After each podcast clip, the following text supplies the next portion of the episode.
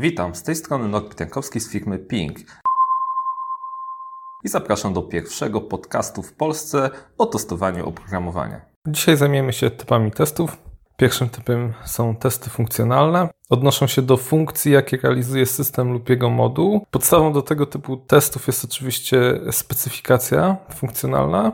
Na podstawie tej dokumentacji możemy stwierdzić, jakie możliwości, cechy albo właściwości powinien posiadać dany system czy moduł. Natomiast jeżeli nie mamy dokumentacji, to powinniśmy zadać sobie pytanie, co robi system i sprawdzamy, czy, czy system robi to, co powinien. Czyli jeżeli system ma wyszukiwać jakiś zbiór, czy jest możliwość przeszukiwania tego zbioru po jakichś elementach typu imię, nazwisko, data urodzenia, miejsce urodzenia. Kolejnym rodzajem testów są testy niefunkcjonalne. Tutaj mamy kilka podtypów. Są niby testy wydajnościowe, bezpieczeństwa, ergonomii. Jeżeli chodzi o testy wydajnościowe, są to testy, które sprawdzają, jak system zachowuje się przy określonym obciążeniu.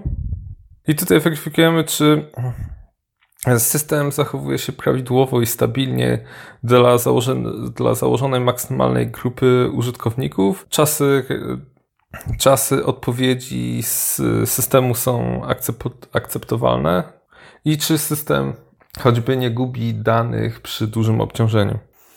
Często tutaj wyłapuje się mm, wąskie gardła, które blokują system już e, przy średnim obciążeniu. Do tego do tej kategorii jeszcze możemy zaliczyć testy baz danych, czyli czy sama w sobie baza danych nie jest zbudowana w zły sposób, jest prawidłowo podzielona, przez co tabela nie musi być naraz w całości wczytywana, tylko e, jest rozrzucona, rozrzucona hmm, podzielona na kilka tabel mniejszych i tylko powiązania e, są między nimi, które są szybsze do wczytania.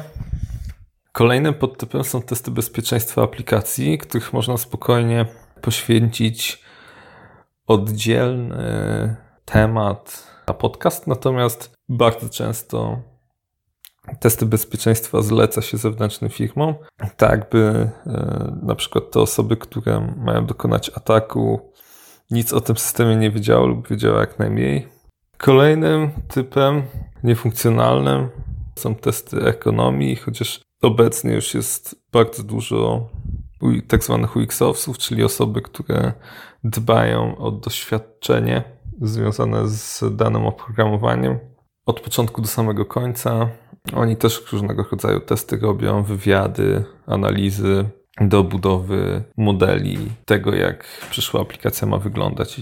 Później mamy y, grupę testów regresywnych. Są to testy, które pomagają zweryfikować istniejącą funkcjonalność systemu, gdy doszedł nowy moduł systemu lub został zmieniony stary, tudzież rozszerzony. I tu jest bardzo dużo różnych podejść.